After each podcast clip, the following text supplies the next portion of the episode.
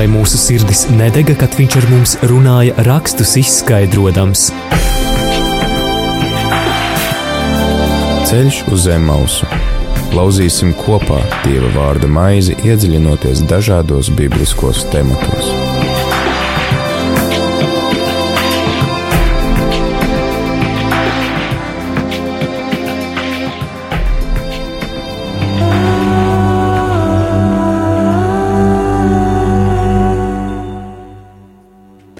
Labvakar, rādījumā arī klausītāji. Ir pulkstenis 17.02. ceturtdiena, un kā katru ceturtdienu sāk skanējuma raidījums Ceļš uz Zemausu.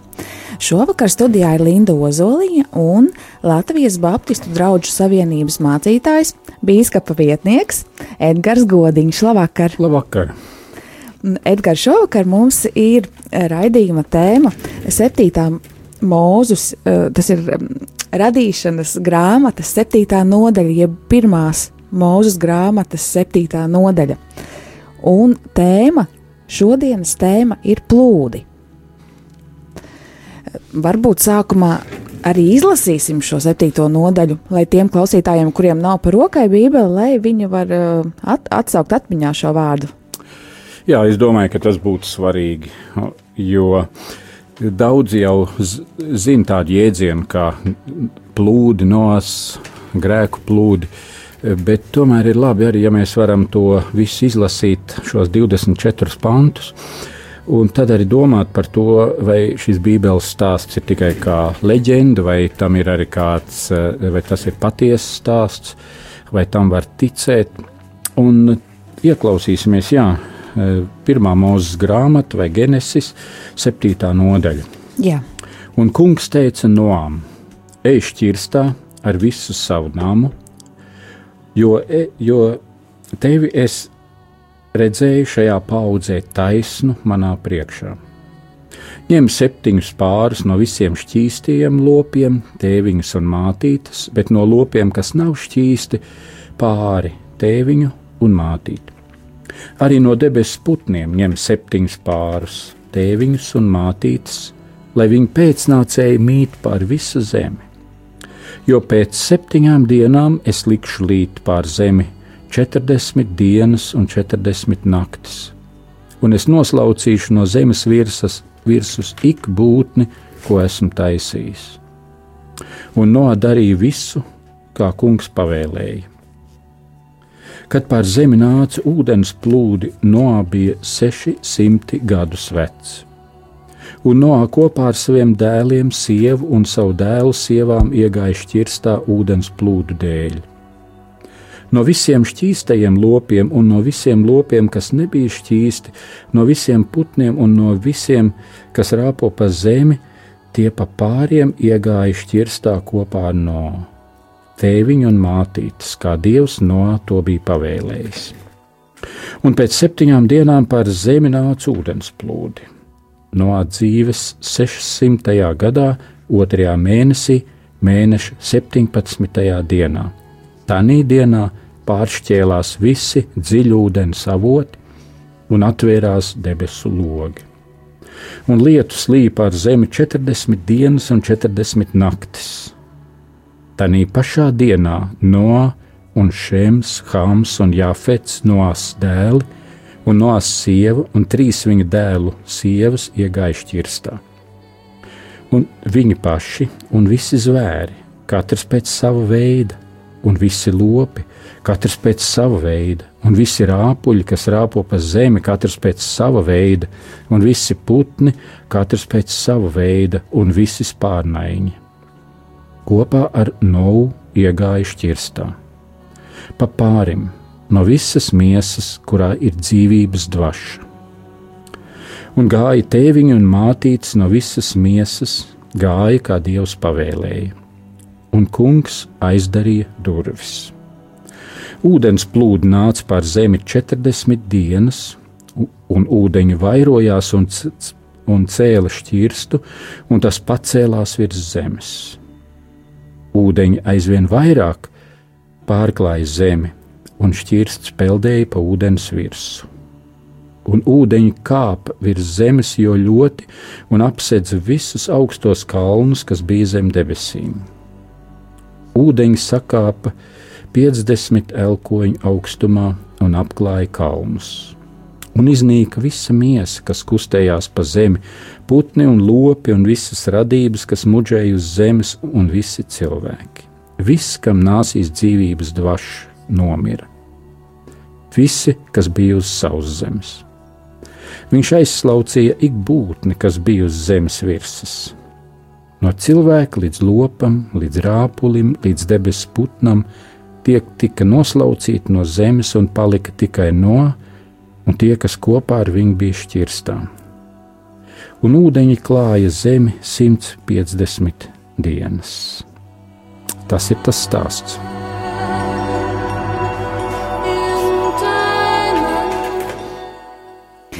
Jā, tas ir tas stāsts. Un, Edgars, kā tad mums šo stāstu saprast? Vai, vai tiešā veidā, vai, vai, vai kā pasaku, vai kā teiku, vai, vai kā, kā līdzību? līdzību? Jā.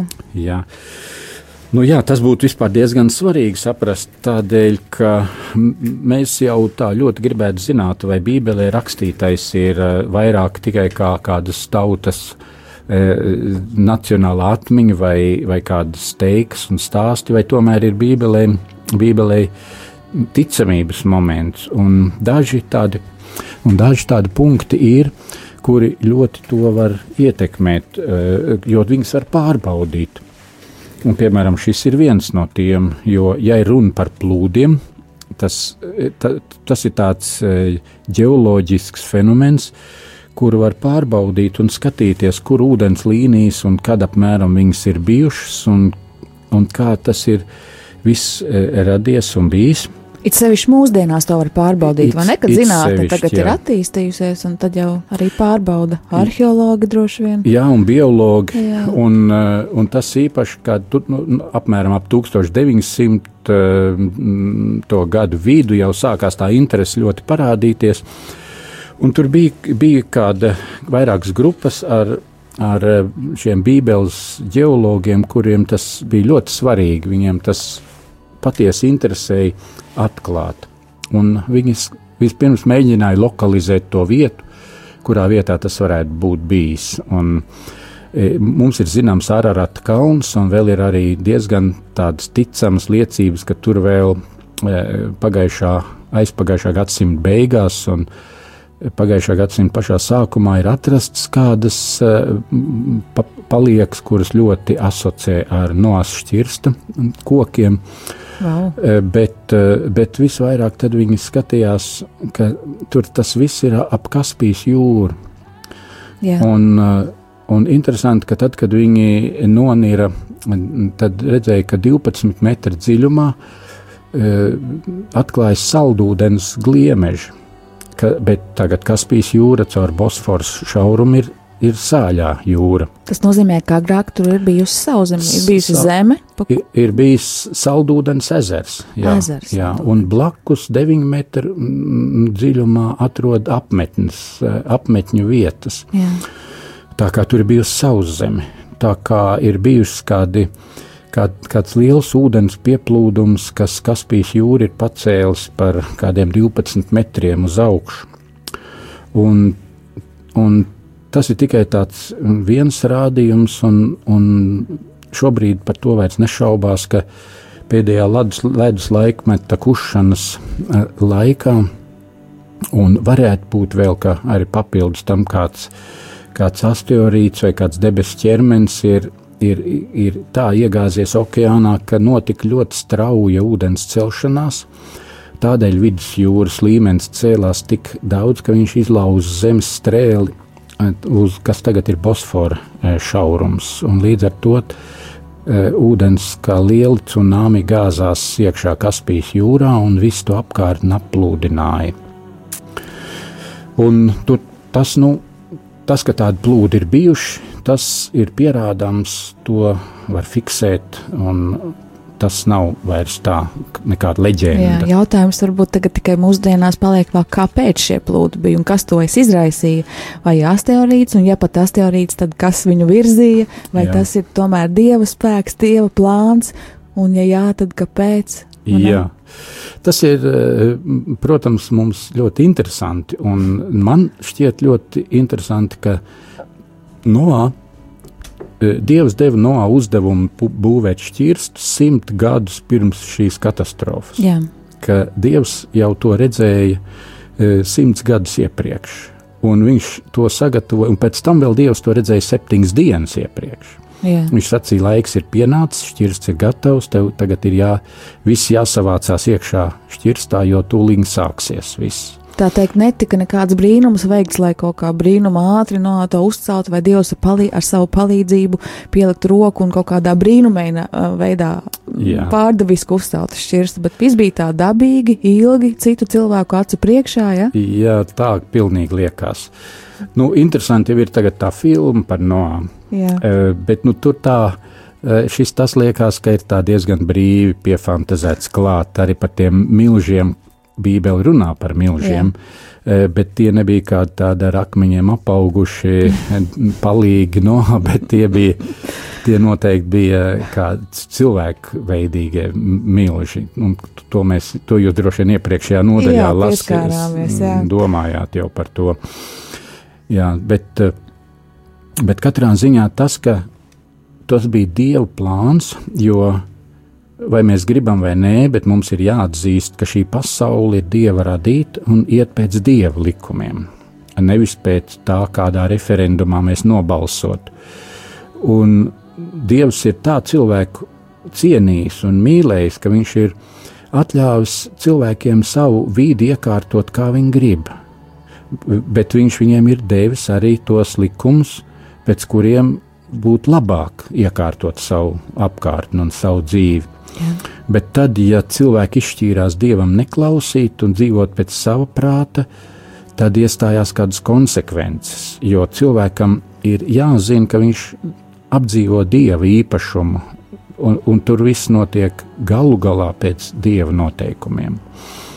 Un, un tajā ziņā uh, varbūt uzreiz tā liekas, nu kādēļ Dievs tik nežēlīgs? Viņš tās soda, viņš tādas tā, liek iznīcināt cilvēkus, lopus, visu iznīcināt, visu jāiznīcina, nežēlīgais Dievs. Uh, var jau skatīties mazliet no otras puses. Dievs nesoda, viņš tikai izved konsekvences.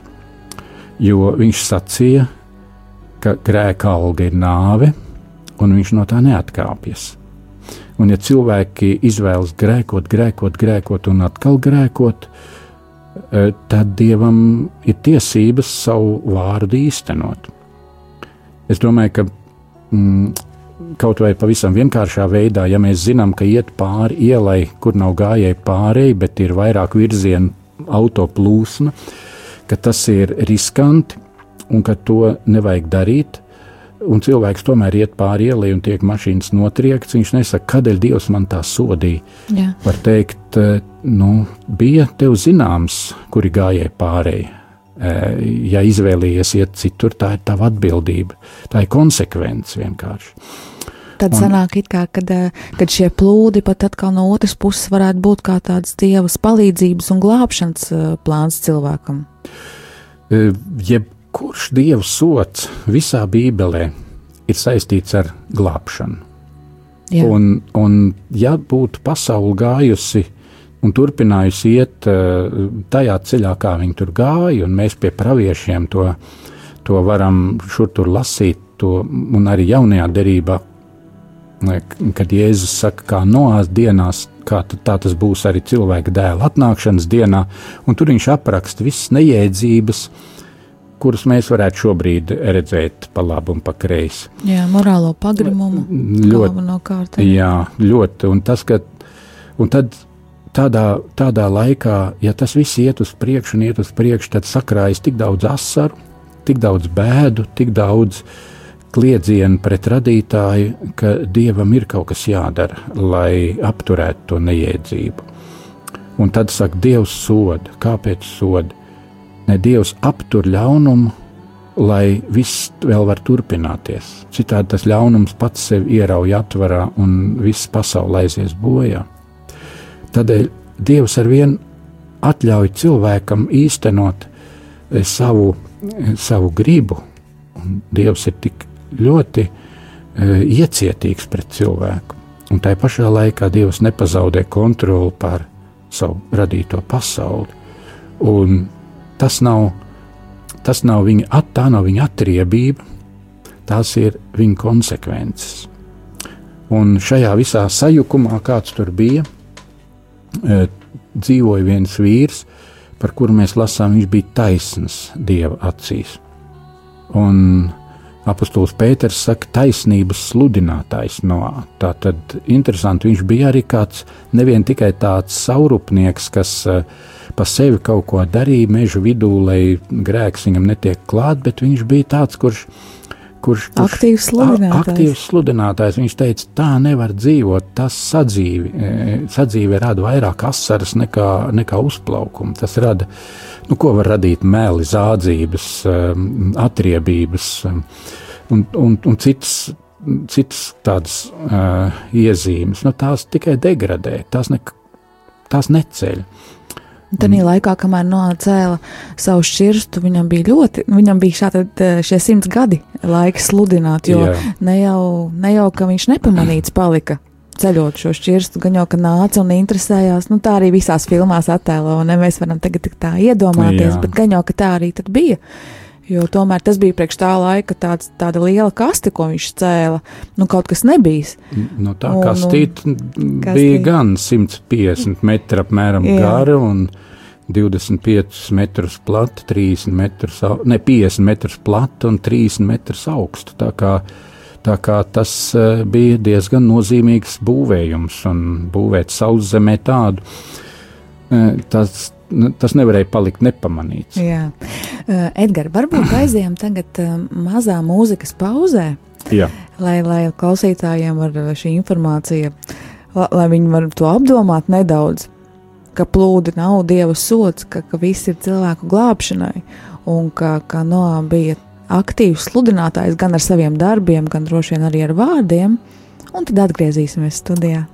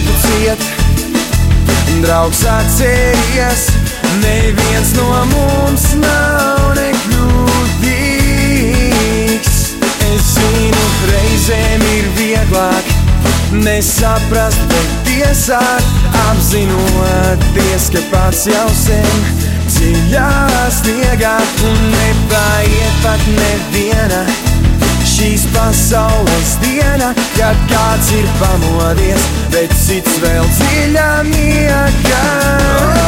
Un sarunās, kas nenoved nekur, mēs mainīsim pret vārdiem atklātiem, neskaties atpakaļ. Katram tā var gadīties, galvenais ir meklēt patiesību. Nav dienas te nakts, bez viņu skarbās acis, kas virsū raugās, bet man ir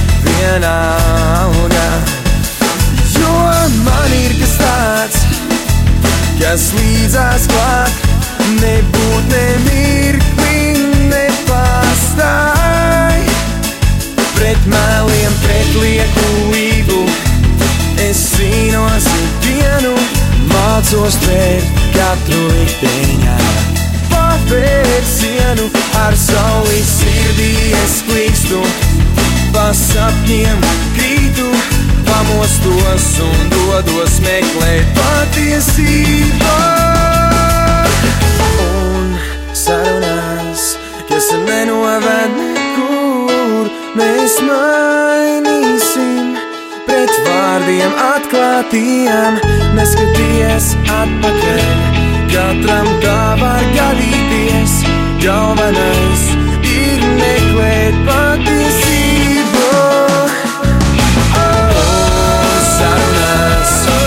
Kas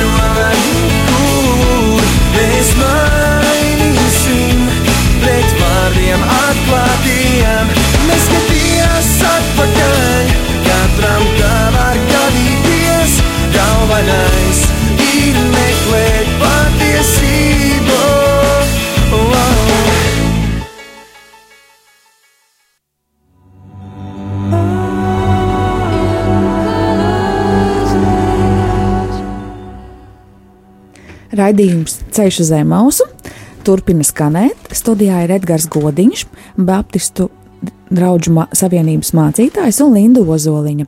Mēs šodien apskatām radīšanas grāmatas septīto nodaļu par plūdiem. Uh, Nosaukšu arī studijas telefonu numuru, lai jūs varētu pazvanīt un, un pavaicāt savu jautājumu vai izteikt komentāru, ja tāds ir 67, 969, 131. Varat lūdzu sūtīt arī īsiņu uz 266, 77, 272, kā arī rakstīt e-pastu uz studija at rml.lv. Edgars, tātad mēs izrunājām, ka, ka, ka Nois bija cilvēks, kuram, kuru Dievs uzrunāja un lika celt šo šķirstu, ka tas uh, bija apmēram simts gadus ilgs periods, kamēr viņš šo šķirstu būvēja, ka bez brīnumiem, bez, bez, bez pārdabiskas palīdzības, vienkārši ar savām rokām. Nu, un šī laikā viņš arī daudz liecināja gan ar šo pašu nodarbi, ar šo savu būvniecības da, nodar, no, darbu, gan arī, protams, ar uh, vārdiem. Droši vien, ka viņš teica, ka Dievs tā lika viņam darīt. Mm, jā, kāpēc tikai noju Dievs uzrunāja, vai, vai kā, kāpēc, kāpēc tieši bija jānāk šiem plūdiem, nu kāpēc Dievs nevarēja visus uzrunāt, vai kaut kādai balsī likt atskanēt, vai vēl kaut kādā veidā brīnišķīgā, lai nebūtu viss jāiznīcina. Jā, to tādu īstu atbildi jau diez vai kāds var iedot, Protams. bet, eh, bet tas eh, dieva raksturs ir tāds, ka viņš ir radījis cilvēku savā līdzībā. Un, un, un viņš ir cilvēku gribējis eh, redzēt tikpat ar savu pašnoteikšanos, nevis kā robotu. Mēs citreiz tā domājam, Dievs vadi mani, pasaka man pa labi, pa kreisi, ej pieņemt, noraidīt, un tad mēs būsim laimīgi, ka tu mūs tā vadīsi. Dievs tā nav gribējis. Viņš saka, ka es tevi vadīšu ar taviem lēmumiem, ar, ar visu to, kādus tu ceļus izvēlēsies, un Dievs respektē mūsu izvēles. Tajā laikā bija vismaz divi lieli, lieli tādi zari, kā attīstījās. Tas viens bija kaina pēcnācēji, un Jā. Otrs bija seta pēcnācēji. Seta pēcnācēji turējās vairāk dieva pusē, un kaina pēcnācēji vairāk eh, nes šo lāstu līdzi, un, un, zeme bija ļoti izvirtusi. Mums mazliet arī grūti tā saprast, kā tas var būt, ka var dzīvot simtiem gadu, un uh, Bībelē vecākais minētais cilvēks ir 969 gadi, gandrīz tūkstoši gadus viņš dzīvoja. Laikam dievam ar uh, mūžības uh, redzējumu likās, ka nu tūkstots tas jau nu tāds, tāds labs laiciņš vien ir. Bet redzēja, ka cilvēks nevar tūkstoši gadus uh, vai 600, 700 gadus, tad tas, tas, tas viņam sakrājās pa daudz, un uh, tas ir pa, pa lielu tas mūžs. Tad varbūt pateicoties tam, ka mēs šodien dzīvojam tikai nu, 60, 70, 80, 90 gadus, tad, eh, ne, nu, protams, arī tāpēc, ka Dievs solīja, ka viņš vairs plūdus nesūtīs, bet varbūt Jā. pateicoties tam vēl nav šī globālā katastrofa. Nu, jo mēs nepaspējam tik daudz sa sastrādāt nepatikšanu katrs individuāli. jā, apmēram tā varētu būt. Bet uh, tad nav jābrīnās, ka Noasam bija 600 gadi, tad, kad viņam tika dots uzdevums būvēt šo pestīšanas, uh, glābšanas ceļu, šo, šo kasti, šo šķirstu. Jā, bet arī tajā laikā, vienalga kādi bija apkārtējie apstākļi, bija kāds cilvēks, uh, kurš dzīvoja pēc dieva likumiem. Un tas atstāja savu iespaidu. Un Dievs vienmēr meklē pasaulē kādus, kādus uh, viņu atstarojošus uh, elementus un cilvēkus, ar kuriem viņš var runāt, kuriem viņš var uzticēt, kuri ir viņa, viņa sarunbiedri. Un, un Dievs, man liekas, gribētu ar katru cilvēku runāt, bet žēl, ka neizdodas atrast ar ko. Nos, par nos viņš saka, viņš bija taisns un dievbijīgs. Tātad viņš, viņam bija savi uh, ētiskie un garīgie kritēriji, pēc kuriem viņš savu dzīvi veidoja, un Dievs sacīja, jā, tas ir tas, kā es biju domājis cilvēku. Tādu, bet ne tā, kā bija tā apkārtne. Un, un Dievs tā tik ļoti respektē arī ļauno cilvēku izvēles, ka viņš viņiem dod garu žēlastības laiku. Un, viņ, un uh, nevien tikai tie simts gadi, bet jau iepriekš, ka viņi strādāja visas tās neģēlības, arī tas bija tas žēlastības laiks. Jā. Un Dievs viņiem deva tad, tad arī tos simts gadus, ka Noā varēja sacīt, pasaulies bojā, glābieties. Viņš Pasaul... bija pravietis. Jā, jo Dievs viņam to bija pateicis. Jā. Un uh, tā bija iespēja šiem cilvēkiem aizdomāties. Uh, varbūt tiešām uh, ir vērts domāt par savu nākotni, ne tikai par šodienu. Bet nu, mēs lasām, nevienam, neviens nebija gatavs uh, glābties. Jo, kā mēs arī redzam, pēc tam svētajos rakstos neviens, nu, gandrīz nekad neklausa praviešu balsi. Pravietis ir tas, kas sludina Dievu vārdu, viņš ir saņēmis šo vārdu, Jā. viņš sludina tautēm, bet uh, praktiski nekad neklausa Neklausa cilvēki. Netic, nu. Ar Jonu bija interesanti, Jā, ne? Bija interesanti. tas bija tik, tik neticams notikums, kā ar valdnieku pavēli viss tika padarīt dievbijīgi Jā. un nožēloja savus grēkus. Brīnumi notiek, un, jā. un pilsēta netika iznīcināta. Bet tomēr šajos plūdos tāds brīnums nenotika, un jā. plūdi atnāca, un viņi daudz ko izmainīja. Gan jā. fiziski, gan Jā, arī garīgi. Mēs pēc plūdiem redzam, ka daudz kas ir mainījies. Uh, ir eh, vispār tie plūdi, kā varēja būt, ka tik, eh, tik, tik, tik, tik daudz tas ūdens radās. Un Jā. to arī zinātnieki domā. Viens ir tas, ka Dievs saka no 600, 700, 800 gadu mūža uz 120 gadu mūžu. Un to Dievs saka jau no sim, pirms simts uh, gadiem, tad, kad viņš liek dot to uzdevumu, būvē Jā. šķirstu. Tad jau viņš saka, mēs varētu skatīties, nu labi, tas viens ir, ko Dievs saka, bet kā tas, eh, kā tas tīri iespaidojās, vai gadi bija īsāki, vai kas tur bija. Un tad zinātnieki ir skatījušies, ka tajā laikā ļoti palielinājās radiācija uz Zemes. Un tā viena doma ir, ka pie pasaules radīšanas, lai sargātu Zemi eh, un attīstītu viņā visu skābekli un visu bioloģisko floru un faunu, bija vajadzīgs kāds siltumnīcas efekts, un to radīja ar kādu ūdens eh, slāni apkārt pasaulē. Un, tu, un tas aizsargāja radiāciju, un eh, tāpēc arī bija savādāks klimats mūsu zemē. Bet Dievs tad lika tam ūdens slānim no augšas debesu loga atvērās. Tas vairāk nekā mākoņi. Tas ūdens gāzās lejā milzīgs, milzīgs daudzums. Un kā jau arī iepriekš teicu, arī tas Kaspijas jūras pārplūšana un, un vēl debesu avo, zemes avota atvērās. Tas arī kaut kas ir, ka var sakot, no visām pusēm gāzās ūdens, kas uh, aplūdināja līdz kalnu virsotnēm. Un, un jā, tā mēs redzam, izmainījās radiācija, izmainījās cilvēka mūža ilgums, un cilvēki pirmo reizi piedzīvoja to, ka par savu rīcību ir jāatbild. Jā. Un ka mana rīcība atstāja iespaidu, un Dievs nav ar mieru, ka mēs sagandējam viņu pasauli. Bet vienmēr šajā uh, Dieva konsekventā rīcībā, vienmēr Dievs ir paredzējis kādu, kādu glābšanu. Nekad viņa sots nav tāds, kas aiziet pilnīgi pilnīgi bez glābšanas iespējām. Es tā paskatījos, ka ne, daudz, kādas 20 eh, liecības bija pasaulē par lielajiem plūdiem, un vienmēr tur bija tā, ka izglābās kādi cilvēki laivās vai kastēs vai kā. tā kā lielie plūdi bijuši ļoti visaptveroši, bet vienmēr katrā vietā Dievs bija kādus izredzējis un teicis, tev ir jābūt tam, kas nes dzīvību tālāk. Vēl interesanti ir tā, ka ķīniešu valodā arī e, vārdam kuģis esot trīs simboli. Un tas pirmais simbols ir ietvars, Jā. otrs simbols ir personas, daudzskaitlī, personas. un trešais simbols ir, ir astoņi. Ietvars, personas, astoņi. Uh, vēl līdz šai dienai tā tā esot ķīniešu valodā. Un tā neviens īsti nezina, kāpēc kuģa nosaukums ir šāds. Un viņi paši kā to skaidro? es nezinu. Bet, eh, ja mēs lasām no stāstu, tad mums liekas ļoti pazīstami. Viena kaste, astu, astoņi cilvēki, Jā. kas tiek izglābti, vai ne personas, un astoņi.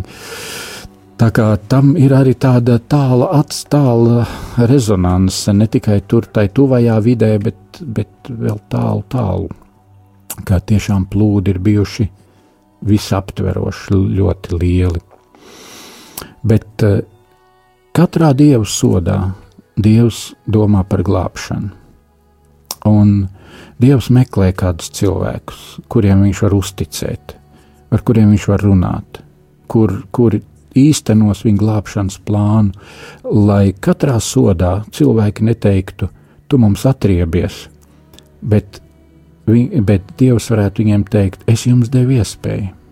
Tā bija jūsu iespēja. Jūs varējāt uzkāpt uz šī kuģa, jo, jo tas kuģis bija pietiekoši liels. Bija pietiekoši liels, jā.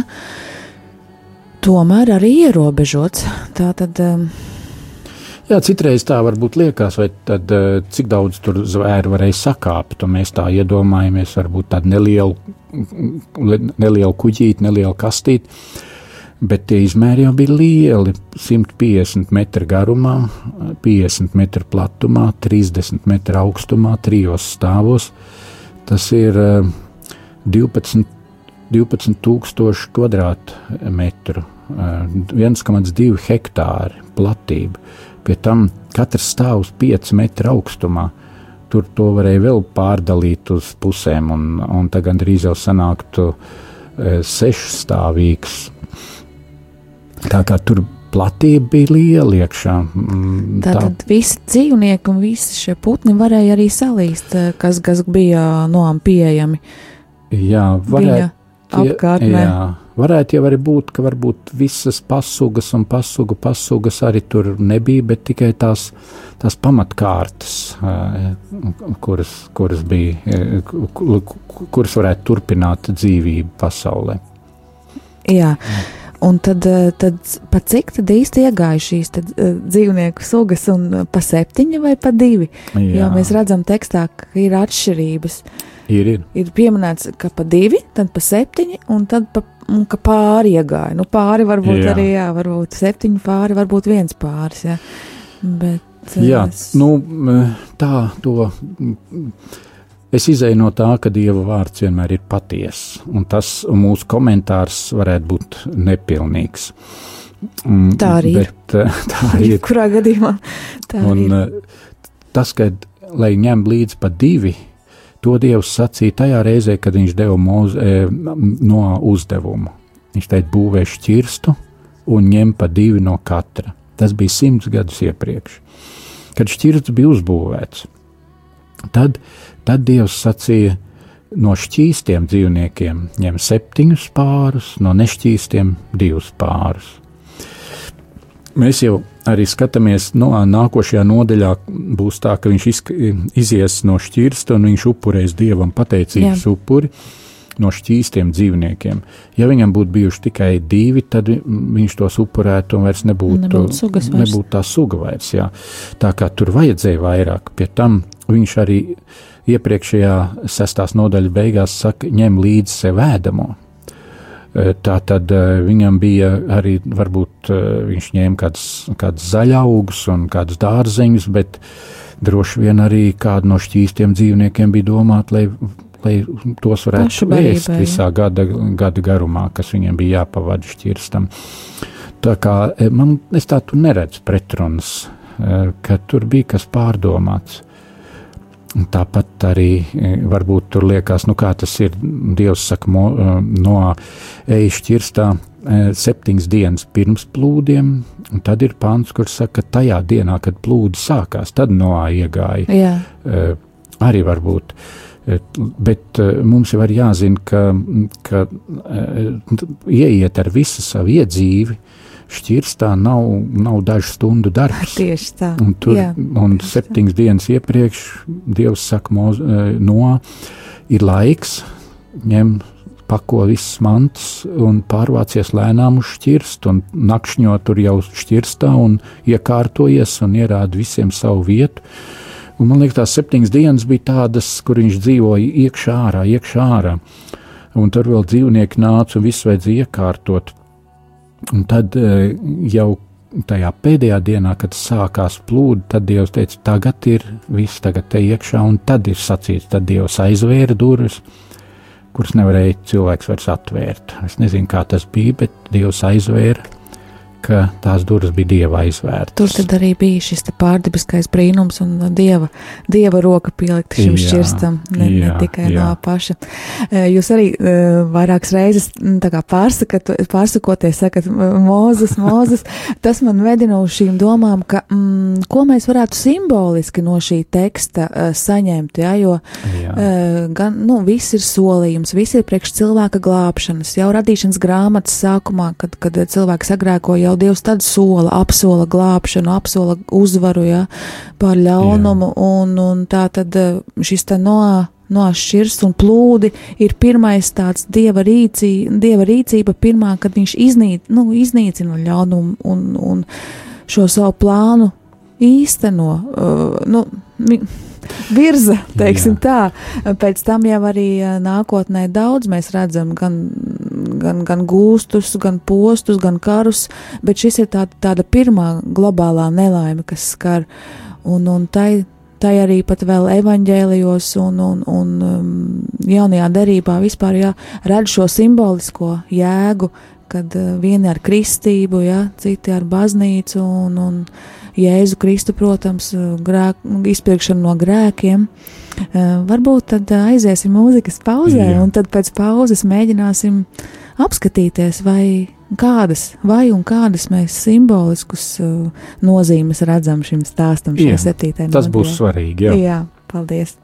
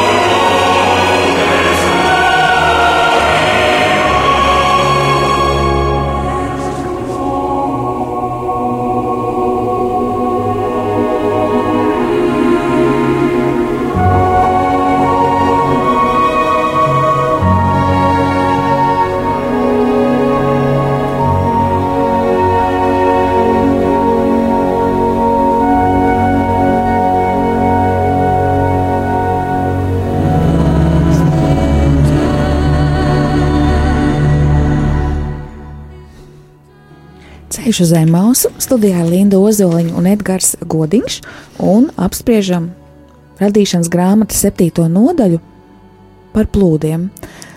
Un uh, solījām, ka tagad pieskārsimies, mēģināsim saskatīt un parunāt par to, kāda simboli, kādu simbolisko jēgu mēs varam šajos plūdos manīt. Vai, vai tur ir kāda tāda jēga? Vai mums būtu jāsaskata kaut kas tāds? Jā.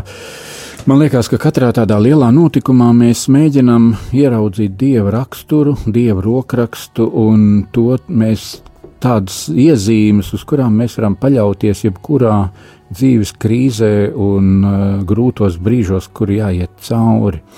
Un arī nu, šie plūdi diezgan nozīmīgi to arī iezīmē. Tas un, nozīmē, ka es plūdos, varu pat šī senajā notikumā saskatīt arī priekš sevis kaut ko šodien paņemt. E, es tā to saskatu, ka tas rokraksts atkārtojās Bībelē līdz pat jaunai derībai, līdz, līdz vēstulē, un Jēzus nepavelti saka, e, kā būs cilvēka dēla atnākšanas dienās, Jā. E, bet tās iezīmes ir, ir, ir, ir varbūt tādas, ko mēs varam nolasīt. Ka cilvēka rīcība izsauc dieva taisnību. Un mums ir jāzina, ka mēs nevaram darīt, ko mēs gribam, tikai tādēļ, ka esam tā nobalsojuši. Šī pasaule iet pēc dieva likumiem, un dievs to neizlaidīs no savām rokām. Viņš redzēs asaras, viņš redzēs saucienus, kas iet pretī viņam, un nāks kāds laiks, e, kur Dievs teiks savu stingru vārdu. Un, ja pat kāds ļaunums notiek, tad to varbūt var arī uztvert kā žēlastības laiku, kad jau kaut kas mainīsies. Jā. Jā. Otrs, tas, ka varētu sacīt, Dievs ieliek ļaunumam robežas. Un arī plūdiem. Viņi nav vispārēji tā, ka līdz laika beigām, nē, tas pāriet, un atkal turpinās cits laiks. Dievs ar katram ļaunumam ieliek robežas. Tad varam sacīt to, ka katros plūdos ir glābšana, katrās bēdās ir dievu glābšana, un šī glābšana ir sagatavota. Un caur Jēzu Kristu mēs varam šos plūdus redzēt arī kā, kā, kā kristības simbolu, un, un kā to, ka ir, tur ir ūdens. Ūdens ir tā matērija, kurā cilvēks nevar dzīvot, viņš aiziet bojā. Jā. Tas ir kristības simbols, un, un senajā pirmkristiešu baznīcās cilvēku lika zem ūdens, arī, arī vēl mūsu laikā kādi, kādas konfesijas to praktizē. Un, un tas nozīmē, tā nav dzīvības vide. Tu mirsti, lai celtos jaunai dzīvei un to pats neizdara. To izdara kāds kristītājs, vai ne kurš tu uzticies viņam. Un kristībā tas ir, ka tā ir tā vide, un tas ir Jēzus Kristus, kuram mēs uzticamies. Tavās rokās mēs mirstam, lai ar tevi mēs celtos. Un tas atnes glābšanu. Katros plūdos mēs sajūtam to, to tās šļakats un tās briesmu, priekš, briesmu tuvumu, Eh, bet eh, mēs zinām, ka tur ir glābšana ar Jēzu. Tā lieta tad ir droša. Un arī šajā laikā ir iespēja eh, glābties. Dievs to ir paredzējis. Tādēļ jau ir šis raidījums, tādēļ ir, tādēļ ir raidītājs, sludinātāji dievnam. Dievnam arī būvēti kā kuģi. Un tas kā tāds glābšanas salings, kur kur tiek ieaicināti nu, neaizpeldi līdz grēku straumē, glābies tajā kuģī. Un glābies draudzē, glābies Dieva piedāvātajā žēlastībā, kristībā, jaunā dzīvē, jaunpiedzimšanā. Un, un Dieva sots nekad nav tāds, kas būtu viņa atriebība. Tā vienmēr ir atgriežaties, jums ir iespēja, jums ir žēlastība jums tas ir dots. Dievs zina katru notikumu stundām, un viņš iekustinās savus mehānismus, bioloģiskus un zemes mehānismus, kādus vien vajadzēs, un viņi paveiks to, kas Dievam ir nepieciešams. Bet Dievs vēlas, lai nevien mēs tiktu izglābti, bet tiktu izglābts arī mūsu ģimenes. Noā izglāb, tika izglābts ar visu savu ģimeni.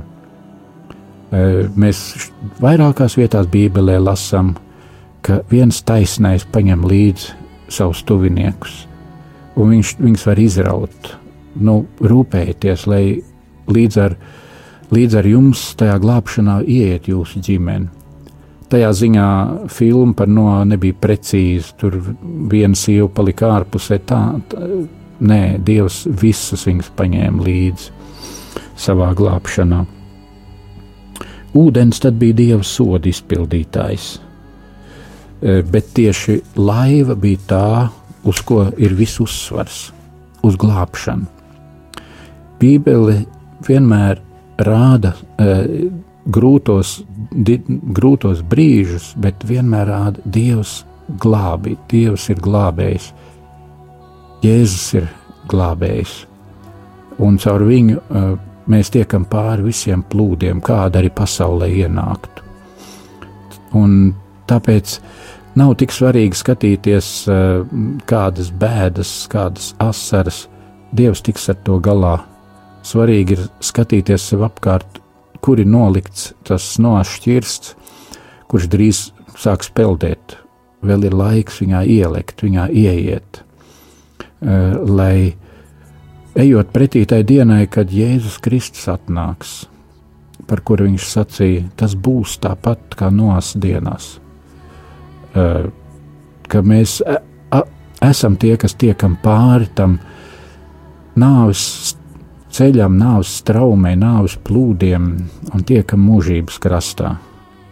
Un turpat nav jāgaida Jēzus atnākšana. Tas notiek katra cilvēka dzīves beigās, kad tie nāves plūdi nāk, tad vai nu tad iet uz pazušanu, vai iet uz dzīvību. Vai nu tad mēs krītam tumsā bezdibenī un nezinām, kur kas notiks ar mums. Vienīgi Bībele to pasaka, ka tur būs briesmīgi vai arī tad mēs varam sacīt, cik mana ticība ir pārvērtusies par to plostu, par laivu, kas man nesīs pāri. Es nākšu godībā, es nākšu pie Dieva, es nākšu mūžīgā dzīvē, kur vairs nebūs tikai tūkstoši gadi, tur būs jau mūžība kopā ar Dievu. Paldies, Edgars, ļoti skaisti un tādi mierinoši un iedvesmojoši vārdi, bet arī pašā laikā vismaz man arī nedaudz biedējoši, jo nu, pastāv arī tas soda elements, tas, tas soda faktors un ne tikai šeit uz zemes, bet arī nu, arī tas, kas būs mūžībā. Bet sots, lai dzen uz glābšanu. Jā, tieši tā sots, lai dzen uz glābšanu. Un, un šīs glābšanas laivas eh, šodien arī rādījām, arī ir viens no glābšanas eh, laivām, kur ir iespēja dzirdēt eh, dieva balsi. Jo šeit tomēr mēs sanākam kopā um, dieva vadīti un vē, ar, ar vēlmi būt kopā ar dievu, priekš dieva un priekš cilvēkiem, protams. Un lai Dievs jūs tam svētī. Paldies, un lai Dievs svētī jūs un mūs un uh, katru klausītāju. Un, uh, Ja pat, ja pat nav šīs iespējas, varbūt kādam aiziet uz laivu, kā mm, brīnišķīgs salīdzinājums, baznīca kā laiva, ja, kur var katru nedēļu iet uz dievkalpojumu, īpaši svētdienās, bet ja pat tas nesanāk dažādu iemeslu dēļ, vis, vis mums šā laikmeta cilvēkiem vislielākais šī glābšanas laiva un glābējs ir, ir Kristus, un arī savā istabā, savā tumšajā istabā vai vienatnē var jau var lūgt šo palīdzību, un var saņemt šo palīdzību, un var saņemt šo glābšanu. Noteikti, noteikti. Viņ, tas ir tik tuvu, ka neviens nevar sacīt, es nevarēju to aizsniegt. Jā, tas ir tik tuvu Jēzu Kristu nācis mums. Jā. Tieši tā. Te es tagad mm, bija skaists pants, septītajā nodaļā. Nē, neatradīšu. Tas laikam nebija 7. nodaļā, tas bija kaut kur citur, bet, bet labi, tad es pieminēšu to pantu, kad Dievs saka, ka, ka, ka nāciet pie Dieva, un uh, kamēr Viņš ir tuvu, un Dievs mums vienmēr ir tuvu, un Jā. Viņš glābi katru dienu, un katru no mums vēlas glābt. Paldies, Edgars, ka jūs bijāt šodien ar mums kopā. Paldies par šo vārdu skaidrojumu. Paldies par vēlējumu, paldies par tādu iedvesmojumu, iedrošinājumu, ticēt. Sludiniet droši, jo arī jūs esat viens, vien, viens šķirsts, kurš nes pretī mūžības krastam, jā, tos, kur kla... vēlas izglābties. Jā, jā, katrs klausītājs ir šis šķirsts viens, vai ne? Jā. jā, paldies jums! Paldies, rādio klausītāji, kad bijāt ar mums! Mm, savu skanējumu ceļš uz Emausu šovakar beidz. Mēs tiksimies pēc nedēļas. Visus raidījumus varat dzirdēt arī atkārtojumā, konkrēti ar atkārtojumā sestdienas vakaros un arhīvā. Arhīvā var atrast gan šā gada raidījumus, gan pagājušā gada, jebkuru. Un, um, lai jums svētīgs laiks!